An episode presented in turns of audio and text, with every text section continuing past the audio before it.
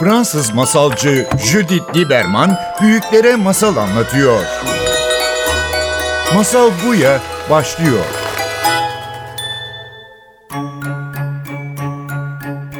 Masal Buya'ya hoş geldiniz. Bugün Duygu Albayrak'la beraberiz. Duygu televizyoncu ve şu an bir dizi proje tasarımı üzerinde yapıyor ve beraber bugün masallar, masal destan olarak konuşacağız. Duygu hoş geldin. Hoş bulduk.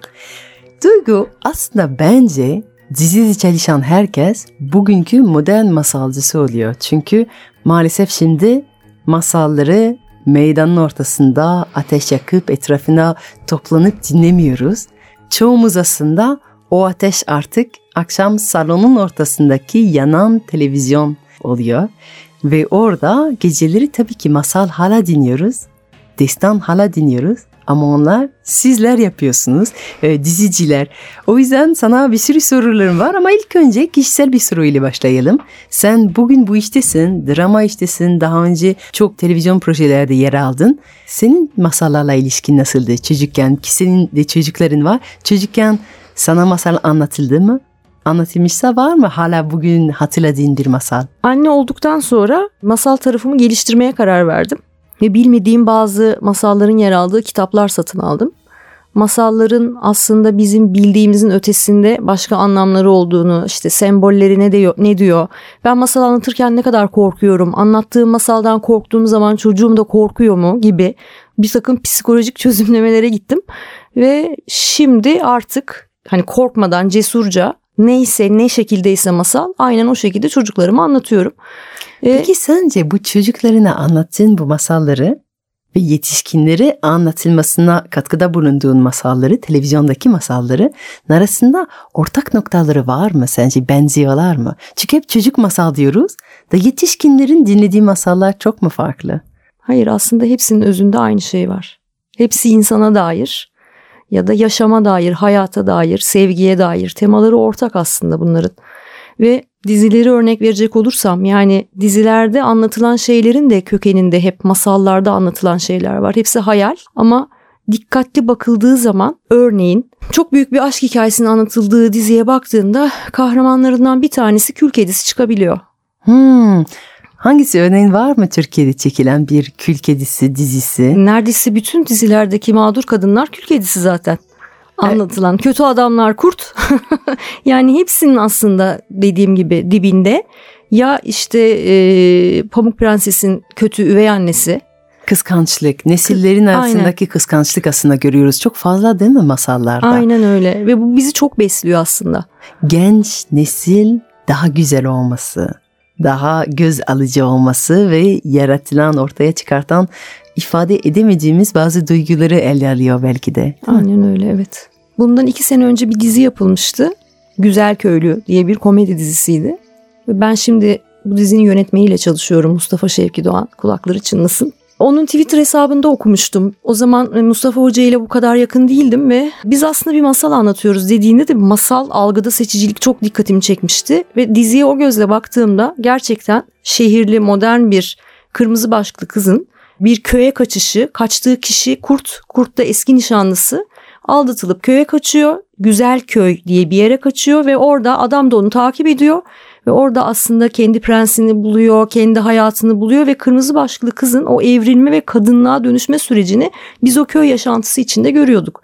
Ama şimdi dizilerde anlatılan masalların şöyle bir avantajı var. Yani masal anlatıyorsak eğer biz ki ben öyle olduğuna inanıyorum görsel ve müzikle de beslediğimiz için çok büyüleyici bir şey oluyor seyircinin gözünde. İşte evet o televizyon cayır cayır yanıyor odanın ortasında ve insanlar etrafında oturup mutlu oluyorlar. Ya da mutsuz oluyorlar demek istemiyorum ama hüzünleniyorlar. Yani hüzün de güzel bir duygu ve oturup bunu da yaşayabiliyorlar. Yani duygu ne olursa olsun canlı canlı hissediyorlar Aynen diyorsun. Aynen öyle. Bir cümleden belki bazen bu oluyor. Dizinin bütününden zevk almayabilir ama bir sahneden o kadar etkileniyor ki hani şimdi daha reel bir şeye geçiyorum. Hani biz reytingle ölçüyoruz. Yaptığımız işin karnesi reyting. Ben o sahnenin reytingine baktığımda anlıyorum ne kadar sevildiğini ya da ne kadar sevilmediğini. Ve hani reyting sistemine inanırız inanmayız ama bu noktada inanıyorum gerçekten de. Aslında insanlar televizyonu hissetmek için mi seyrediyor? hissetmek için seyretmiyor, televizyon seyrederken hissediyor. Hmm. Ama büyük bir etkisi var. Ne kadar Çok- çok duygusal bir o kadar var, tabii. rating var aslında. Aynen. Toplumu sence? dönüştürücü bir etkisi var televizyonun bu anlamda. Neden sence? Bu bir ihtiyaç. Günlük hayatta karşılanamayan bir Evet ihtiyaç bütün gün yani. çok yorulan, yani evde veya dışarıda çok yorulan insanların buluştukları ortak bir yer televizyon. Hmm. Belki de aslında gün boyunca o öfke ya da o kıskançlığı hissedememiş ya da hissetmiş ve ifade edememiş. Aynen ve öyle. akşam O kahraman onun yerine ifade ediyor onu. Yani belki de örneğin görümcesini çok kıskanan bir gelin ve ekranda bunu izlediği zaman kendi ağzından çıkamayan lafları söylediğinde o kahraman kişi bununla rahatlıyor ve gece yatağına daha mutlu gidiyor. Oh söyledi de rahatladım diye. aslında bu çok mantıklı geliyor. Çünkü bana yani dışarıdan bir insanım aslında yani yabancı olarak Türkiye'de bana Türkler genellikle çok kibar, çok uyumlu olduğunu, çok az kavga çıkar, mümkün mertebe insanları kızdırmamak için, mümkün mertebe çözüm bulmak için uğraşan bir toplum ama dizideki karakterler öyle değil. Dizideki karakterler tahammülsüzlüğü var, öfke var, patlıyorlar, çatlıyorlar, silah çıkartıyorlar. Biraz aslında sanki bu uyumlu, kibar, e, uğraşan, çözüme ortak olmaya çalışan kibar toplumun karanlık gölgesi gibi oluyorlar bu dizi. Belki ifade edilmeyen bir öfke mi ifade ediyorlar? Ben şöyle düşünüyorum bu dediğinden. Şimdi şöyle bir şey canlandı içimde. E, bunun tersi de oluyor. Fazla mutlu, fazla farkında her şeyin, fazla hayal kuran ve doğru hayaller kuran insanlar da izliyoruz dizilerde. Ben televizyon izlerken, ben de oturup dizi izliyorum. İzlerken o karakteri duygunun kendisi olarak görüyorum. Yani mutluysa o an o mutluluğun kendisi. İşte bizim toplum olarak bazen bastırdığımız o duyguları vücut bulmuş haliyle izliyoruz dizilerde. Yani izlediğin gerçek bir karakter değil. Belki de hiç kimse yapamaz onun yaptıklarını. O kadar cesur olamaz ama cesareti izliyorum ben orada. Ayşe'yi Fatma'yı izlemiyorum yani. Peki ilham alıyor muyum? Bu Tabii ki. cesareti hayatımda ekleyebiliyor muyum? Yani ilham alınıyor mu bilmem ama derdimiz o ilhamı verebilmek zaten. Yoksa neden dizi yapalım? Peki o zaman hangi dizi izlemeye ihtiyacımız var o zaman? Çünkü eğer diziler ilham veriyorsa, eğer rol model oluyorsa, eğer insanlara bir yol gösterecekse herhalde zaman zaman farklı ihtiyaçlarımız vardır. Evet, kesinlikle. Ve siz bunları zaten mevsimsel ürettiğiniz için herhalde biraz halkın nabzı alıp şu an biraz daha fazla bu malzemeyi ya da biraz daha fazla bu duygu ekleyelim mi diyorsunuz acaba? Bunun aslında böyle bir matematiği var ama televizyoncuların ne kadar bu şekilde düşündüğünden emin değilim. Ama şunun olduğuna inanıyorum. Bu ortak bir ruh oluyor bence televizyon tarafında. Mesela bahar geldiğinde güneş daha çok D vitamini e, almamıza e, yardımcı olduğu için e, aşk insanların aklına geliyor ve bir bakıyorsunuz çatır çatır romantik komediler var ekranda. Bahar. Seçebiliyorsunuz. Ben bunu aldım ve izleyeceğim. Bu yaz bu bana eşlik edecek diyebiliyorsunuz. Kış o zaman mevsim şey. gerçekten ya. Bahar aşk, kış ne? Bahar romantik yani daha romantik. Kış belki daha aile problemlerini ele alan diziler olabilir. Ama şöyle de genelleme yapılabilir. Yani mevsimsellik bir faktör sadece. Her zaman doğru diye bir şey yok. Ama hani toplum genel bir huzursuzluk içindeyse de o dönem bir bakıyorsun komedi dizileri patlamış gitmiş. Çünkü insanlar gülmek istiyor ve bu mesajı veriyor televizyona. Ben beni güldür, beni güldüren bir şey koy. Ben ben de bunu izlemek istiyorum.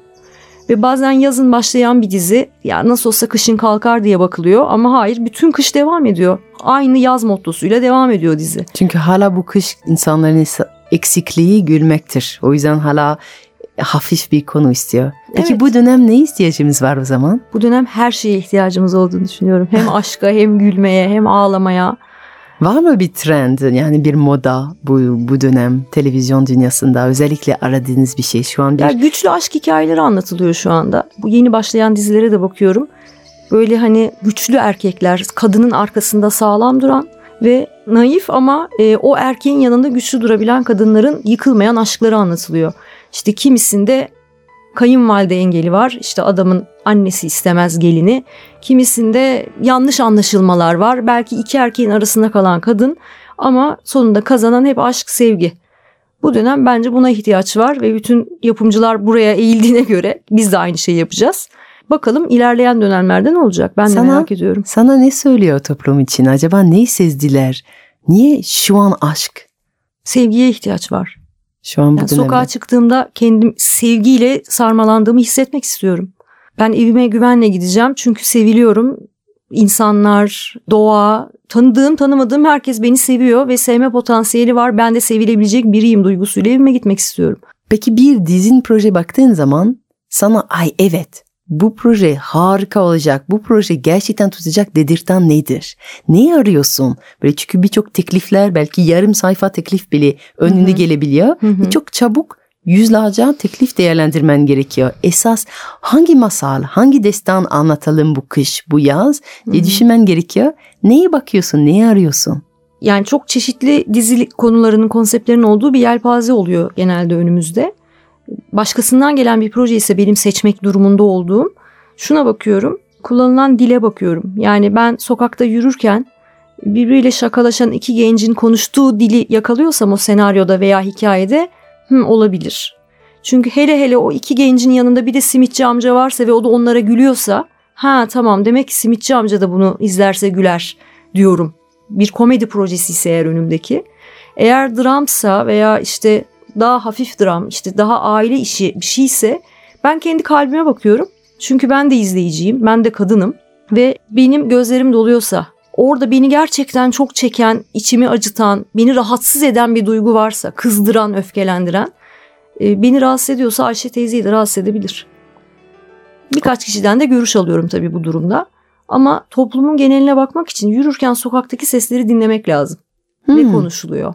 Yani Sen bunu yapıyor musun İstanbul'da? Yapıyorum. Tabii böyle- ben çok dinlerim insanları. Kulak misafirsin. Kulak misafiri olurum oturduğum kafelerde, sinema fuayelerinde, işte tiyatroya gittiğim zaman ne konuşuyor insanlar. Yani ne konuştuklarıyla hiç ilgilenmiyorum ama konuştukları konu benim için önemli. Nedir örneğin bu bu dönem havada olan konu nedir? Tabii ki politik durumların dışında. İşte genelde politik durumlar ama o politik durumları sağdığımda yani süzdüğümde, meseleyi ortadan kaldırdığımda insanların barış istediklerini, huzur ve mutluluk istediklerini duyuyorum. Ve içinde bunların olduğu diziler ya da sinema filmleri bence her zaman iş yapacak bu Hmm. dönem. Peki yeni bir şekilde dizi dünyaya belki yazar olmak isteyen, belki bu Hı. masal anlatma mesleğe atanmak isteyen bir insan. Çünkü modern masal anlatıyorsunuz. Nasıl bir tavsiye verirsin? Bana verilen bir tavsiye vardı. Ben de yazarlıktan başladım. e, dizi yazarlığından. Çok okuman lazım. Hatta oyun yazarlığından başladım. Tiyatro oyunu. Bol bol oyun oku. Oyun yazmak istiyorsan denmişti. Aynı şey tabii dizi yazarlığı için de geçerli. Neyi yapmak istiyorsan onu yapanların yaptıklarını okuman lazım. Ya da izlemen lazım. Ben şunu ekliyorum. Bugün burada olmamdan dolayı değil belki de bugün burada olma nedenim bu. Okuduğun şeyin niteliği çok önemli. Yani köşe yazısı da okumak evet bir katkı ama bol bol masal okumaları gerektiğini düşünüyorum. Çünkü insanın kafasını çok açan bir şey. Hmm, masallardan gelecek belki Aynen. önümüzdeki zamanların dizileri. Evet. Duygu sana çok teşekkür ederim. Ben çok sağ olun. teşekkür ederim.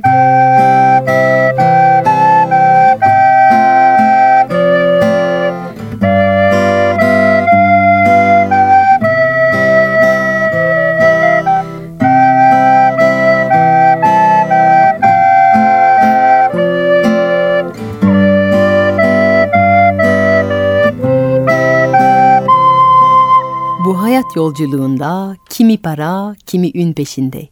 Kimi de sadece ve sadece aşk peşine gider. Kalbinde yanan ateş neyse hayatının her adımına o yön verir. Bir varmış, bir yokmuş. Mendil büyüklüğünde bir diyarda cömert bir kral yaşarmış. Kraliyetin çok değerli bir altın postlu koyun sürüsü vardı. Kraliyetin en önemli hazinesi olan bu koyunlar ovalarda otlarken güneş altında parlıyorlardı. O altın yününden her sene ülkenin en yetenekli işçiler ipince bir ip eğiriyorlardı ve o değerli ipten hem parlak hem de sımsıcak bir kumaş elde ediliyordu. Bu kumaş dünyanın dört bir yanında aranan bir hazine olduğu için kraliyet sürekli yağan bir bereket yağmurun altındaydı. Ve kral adil biri olduğu için bu bereketi ülkeyi yaşayan herkesle paylaşıyordu.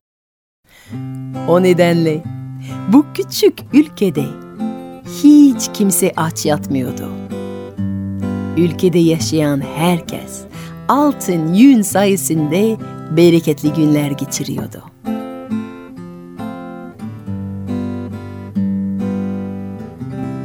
İyi de diyeceksiniz. Nerede görüldü böyle cömert bir kral? Kral cömert, doğru. Ama aynı zamanda kral inanılmaz kıskançtı. Bu hayatta herkesin sınavı farklı olur değil mi? Kimi parayı zor paylaşır, kimi sevgiyi. Kralın üç tane birbirinden güzel kızı varmış. Bu üç prensesle evlenmek için birçok aday gelmişti. Ama kral kızlarını vermeyi hiç istemiyordu. Bir gün kızlarını beraber başka biriyle yaşayacağını düşüncesi bile kafasını ve sırtını kaşındırıyordu. Ve o günün gelmemesi için gelen her adaya zor ve çok tehlikeli bir görev sunuyordu. Altın postlu koyunlar bereketli oldukları kadar asidiler. Asla ve asla kapalı bir mekanda kalmayı kabul etmezlerdi. Her gün istedikleri gibi çıkar, gezer ve istediklerinde saraya dönmeyi severlerdi. Ne onları gün boyunca sarayda ne de gün boyunca ovalarda tutmak mümkündü.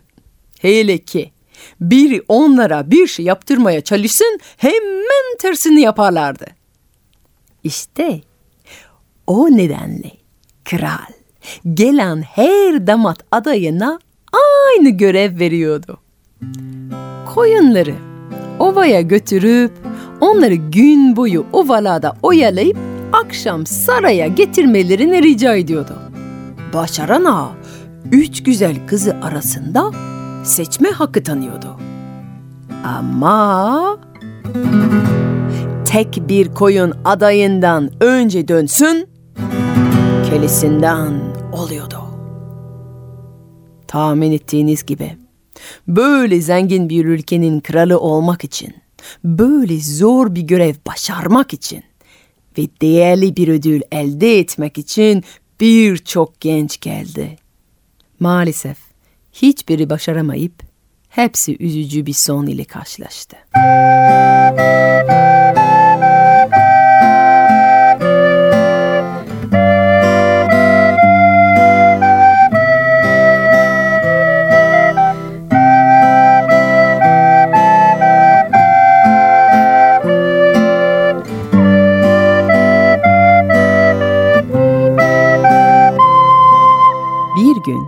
Tozlu yollar ülkenin kapılarına bir gezgin getirdi.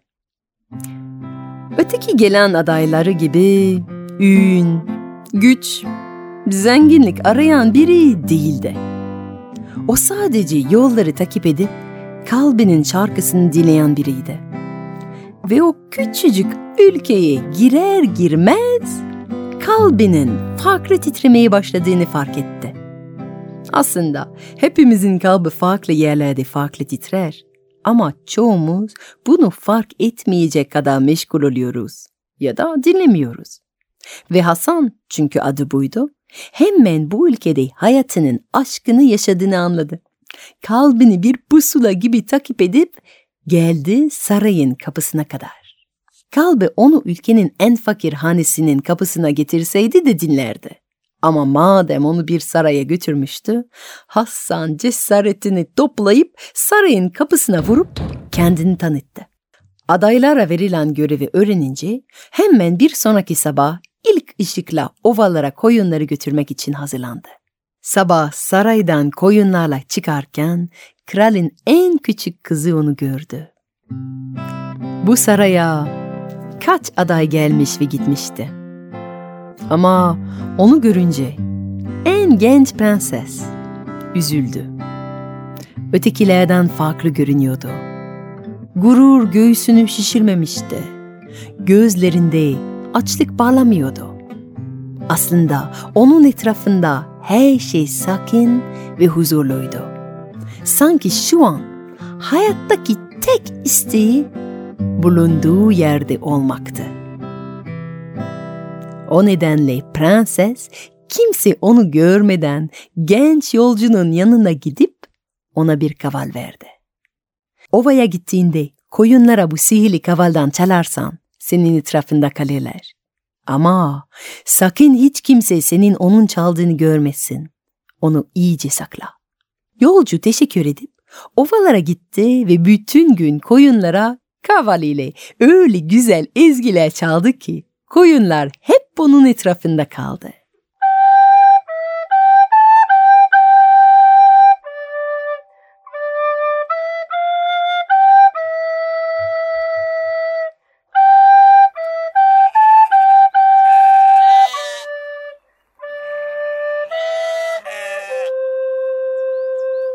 Kral genellikle öğleden itibaren tek başına dönen koyunları görmeyince şaşırdı ve en büyük kızı ovalara durumu yoklamak üzere gönderdi. Ovalara gidince bütün sürünün yolcunun etrafında durduğunu görünce merak edip yolcuya onu nasıl başardığını sordu. Hasan da ben çok güçlüyüm. Koyunlar gitmek isterlerse onları tutarım. Tek bir bakışla bile gitmelerine engel olabiliyorum diye cevap verdi. En büyük kız hemen babasına bu cevap iletti. Kral böyle güçlü bir adaydan korktu ve ikinci kızını ovalara gönderdi. Yolcunun sırrını ne olduğunu öğrenmek istiyordu. Ama ikinci kızı da aynı cevapla geri gelince kral titremeye başladı ve en geç kızını gönderdi. En genç prenses ovalara gidince şimdiden aşık olmaya başladığı gence gidip onu tebrik etti. Akşam saraya gelince babam seni kutlamak için bir ziyafet hazırlar. Gece sana süslü bir yatak hazırlattırır ama sakın o yatakta yatma. Sarayın arkasında ölü bir keçinin cesetini bulursun. İpek çarşafların arasında onu yerleştirmekle iyi edersin. O gece seninle yıldızların altında buluşuruz. Genç yolcu prensesin dediği gibi yaptı. İyi de yaptı. Gece kral odasına ağır sopalı muhafizler gönderdi. Onlar da çarşafların arasında yatan keçiye bütün güçleriyle vurdular.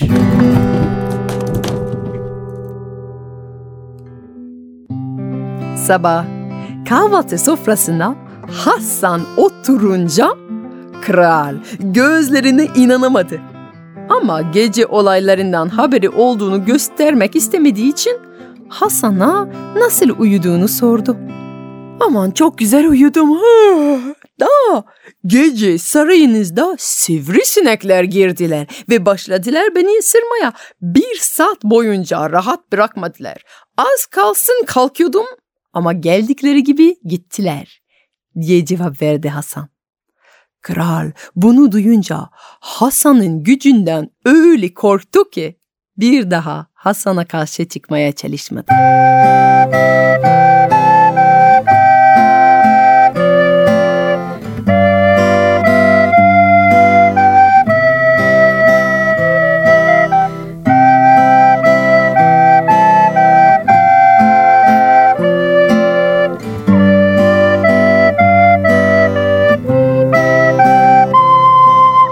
Hasan en genç prensesiyle evlendi ve beraber baldan tatlı günler geçirdiler. Çünkü her gün gökte yükselen güneş paylaştıkları aşk ve bahçelerinde büyüyen çocukları için şükrettiler. İşte böyle bitiyor bu hikaye. Hayat bir hediye. Dünya bir bahçe. Kalbimiz sıcak yanan bir ateş. O ateşin sıcaklığını paylaşma fırsatımız bol olsun. Hikayemiz aşkla dolsun. Fransız masalcı Judith Lieberman büyüklere masal anlatıyor. Masal Buya sona erdi.